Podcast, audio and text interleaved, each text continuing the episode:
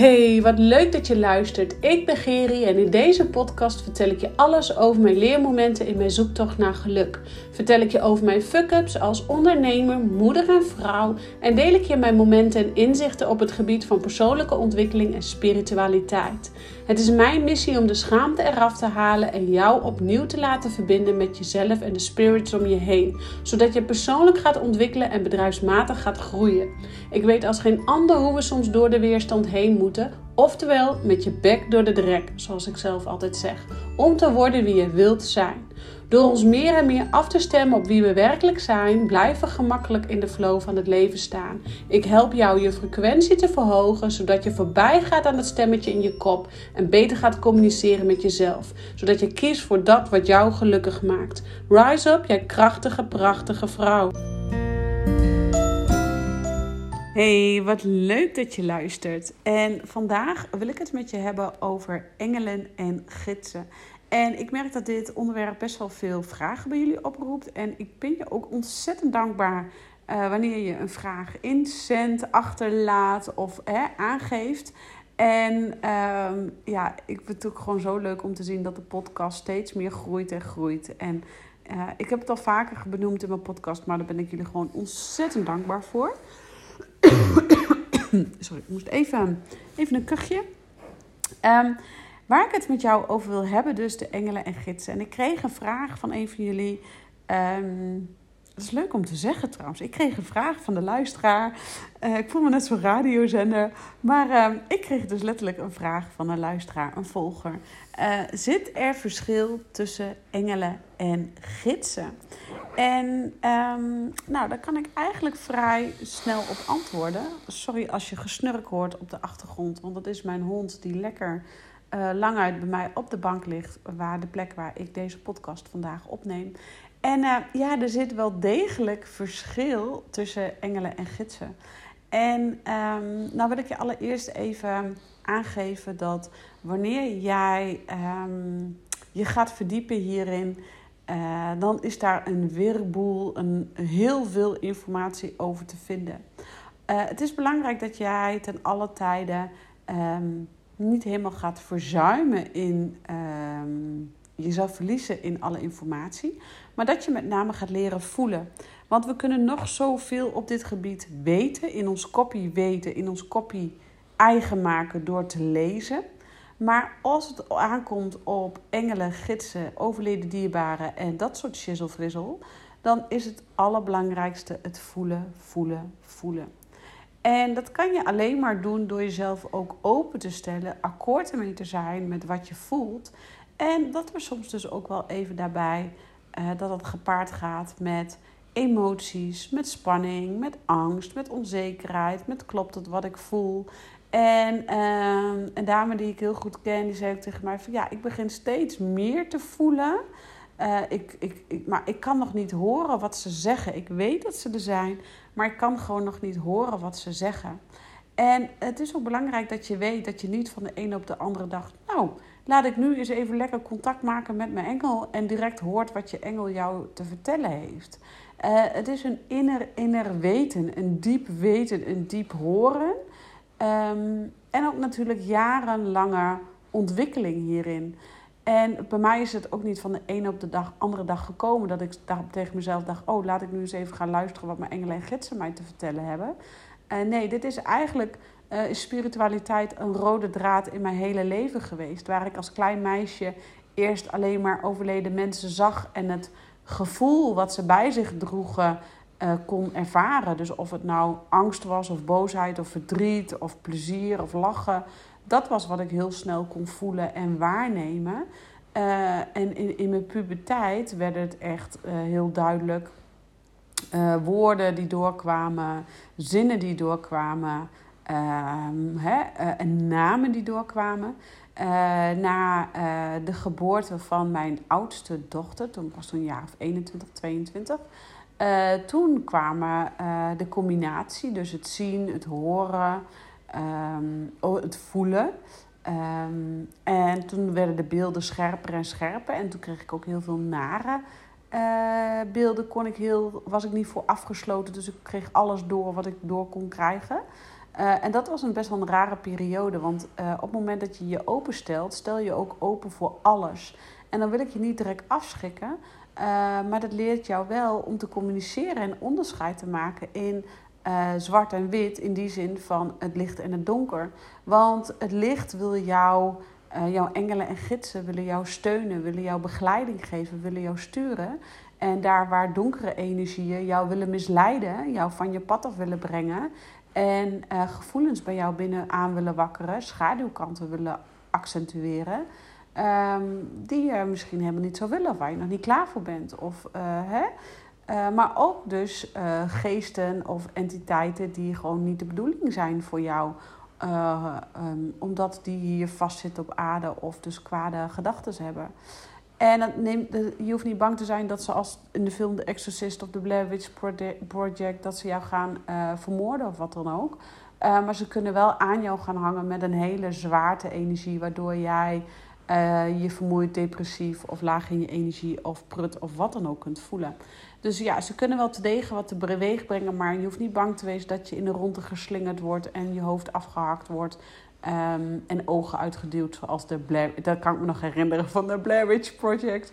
Dat er in één keer die vrienden in het bos daar een stel ogen vonden van hun vriend die vermist was. Volgens mij was dat het meest enge stukje wat ik uh, nog kan herinneren van de hele film.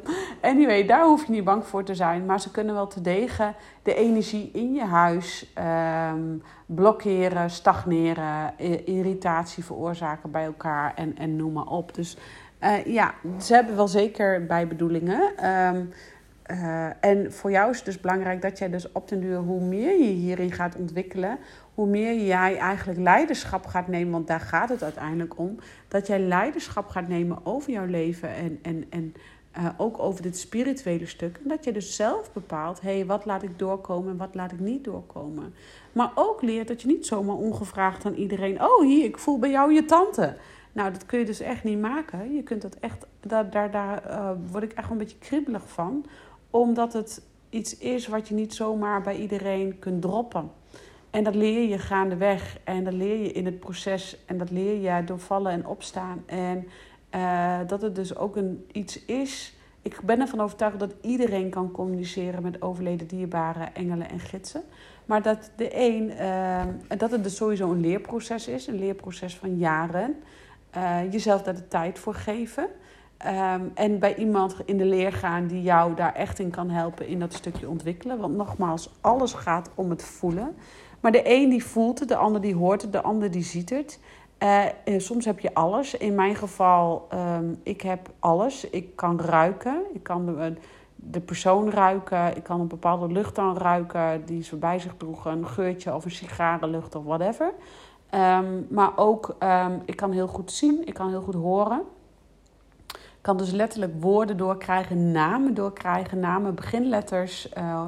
Maar ook bewust, ook uh, gisteren was ik dan, mocht ik een groepsessie geven uh, bij de club van een businesscoach, Malou Volkerink. En deze dames, ik hoorde in één keer bij een van deze dames, ja, oudste dochter. dus ik krijg dan letterlijk door om welk kind het gaat. Weet je? Dus ik krijg echt letterlijk dingen door. En dat heb ik alleen maar kunnen leren de jaren ontwikkeling en doorgroeien hierin. En um, om dus eventjes uh, niet al te ver uit te wijken over het verschil van engelen en gidsen. Uh, ja, er zit dus degelijk wel verschil tussen. Daar waar uh, jouw gidsen jou echt willen sturen op het juiste pad en antwoorden geven in uh, de stappen die je hebt te zetten, zullen de engelen jou meer gaan zien van, voorzien van bevestiging. Zullen de engelen jou op een hele andere manier laten weten dat, ze, dat jij op het juiste pad zit. Zullen de engelen jou veel meer uh, warmte, liefde en geborgenheid geven. Zodat je eigenlijk de innerlijke leiding over jouw leven durft te nemen. Dus ja, er zit degelijk verschil tussen engelen en gidsen. Alleen nogmaals, het gaat erom dat jij gaat leren voelen. Dat jij voelt, hé, hey, ik mag gedragen worden. Ik hoef het niet alleen te doen. Ik kan ook hulp vragen van de engelen om mij heen. En eh, zowel engelen als gidsen, en met name gidsen, die kunnen vaak in het verleden overleden dierbaren zijn. Dat kan. Uh, soms kunnen er ook gidsen tussen zitten die met jou een grapje uit willen halen. En die dus wel slechte bedoelingen hebben, uh, maar die bij jou naar binnen komen. Dus dat is wel heel belangrijk dat jij dus nogmaals gaat leren hierin te voelen. Hier je leer uittrekken. En dat doe je alleen maar door te doen en dus ook hulp te vragen van iemand die hier al, al op het punt is waar jij graag wil zijn, zodat jij daarmee kan leren communiceren. Um, engelen zullen jou daarentegen dus ten alle tijden voorzien ook van boodschappen. Uh, dat zie je vaak door dubbele getallen, 2222, uh, 1234 in de middag, uh, s ochtends 1111. Uh, nou, vaak de dubbele getallen. Uh, maar ook veertjes die op je weg liggen. Uh, seintjes waarom je hebt gevraagd. Uh, tekens waarom jij antwoorden hebt gevraagd. En engelen kunnen ook overleden dierbaren zijn die dan besluiten om niet door te gaan naar de zielenwereld, maar eigenlijk om jou heen te blijven hangen als een engel. Dat kan, dat, dat, dat gebeurt minder vaak dan bij een gids gebeurt dat vaker. Um, maar overleden dierbaren kunnen ook gewoon voor zichzelf komen. En op het moment dat ze dus een gids zijn en besluiten als ze overleden zijn en ze besluiten om een gids te worden, dan is het 9 van de 10 keer uh, dat ze echt als gids werken en dan komen ze om jou te helpen. Uh, maar wanneer ze besluiten om nog niet helemaal klaar te zijn in dit fysieke leven, maar wel dus uit hun fysieke lichaam zijn, dan hebben ze jou eigenlijk nodig om te laten weten dat het goed met ze gaat. Om te laten een stukje bevestiging dat ze over mogen. Uh, en dan zijn ze eigenlijk ons meer nodig. Um, dus een overleden dierbare komt vaak voor zichzelf om bewust, berusting te vinden, om te laten weten dat het goed met hem of haar gaat. Om vervolgens door te kunnen naar het volgende level in overlijden. ook daarin heb je verschillende lagen, verschillende levels. Uh, en een, overleden, of een gids, dus een overleden dierbare die een gids wordt, is hier meestal voor jou. Dus ja, er zit wel degelijk verschil in waar een gids dus jou echt ook harde lessen kan leren. Ook echt wel even jou dat je denkt, potverdikkie, waarom heb ik dit stuk nou aan te kijken? Die, um, die dit teweeg kan brengen. Uh, maar dus ook um, um, engelen, die zullen jou dus wat meer de liefde geven, de engelenenergie, de zachtheid, de vliederigheid. De, oh, dat gevoel. Dan ben je meer wat fladderiger, wat, wat, uh, en, en een gids kan je daarin tegen heel erg met beide benen op de grond trekken. Je echt letterlijk op je bek laten gaan. En dan denk je, potverdorie, waarom heb ik deze levensles nou nodig? Ja, dat is dus echt nodig om je leer eruit te trekken. En daar zijn de gidsen voor. Dus ja, er bestaat zeker weten een verschil tussen engelen en gidsen. En het is voor jou ten alle tijden eigenlijk helemaal niet zozeer belangrijk of daar een verschil in zit en of jij weet wie er bij je is. Maar dat jij dus gaat leren hey, voel ik iets of iemand om me heen? En als je dan iemand om je heen voelt, dat je dan niet gaat denken: oh, wie is het en wat moet hij en wat moet ik doen? Nee, dat je gewoon eens gaat zeggen: Nou, wat fijn dat je er bent. Ik weet niet wie je bent. Ik weet niet wat je hier komt doen. Het maakt me niet uit. Maar ik vind het gewoon ontzettend leuk dat je er bent. Want dat zijn de eerste stappen die je te zetten hebt in het communiceren aan zich. Dus wil niet direct alle informatie eruit trekken. Want dan blokkeer jij en dan blokkeer, blokkeer, blokkeert met name jouw ego. En als jouw ego ertussen begint te tetteren, ja, dan kan je het wel vergeten, maar dan gaan de kanalen gewoon direct weer dicht. Dus in alle gevallen is het belangrijk dat jij bewust gaat worden en gaat voelen. En niet gaat voelen, oh wie is hier direct en direct alle antwoorden willen hebben. Nee, dan moet je naar een medium of dan kom je naar mij. Um, maar um, dat je gewoon eens gaat voelen: hé, hm, ik voel iemand om me heen.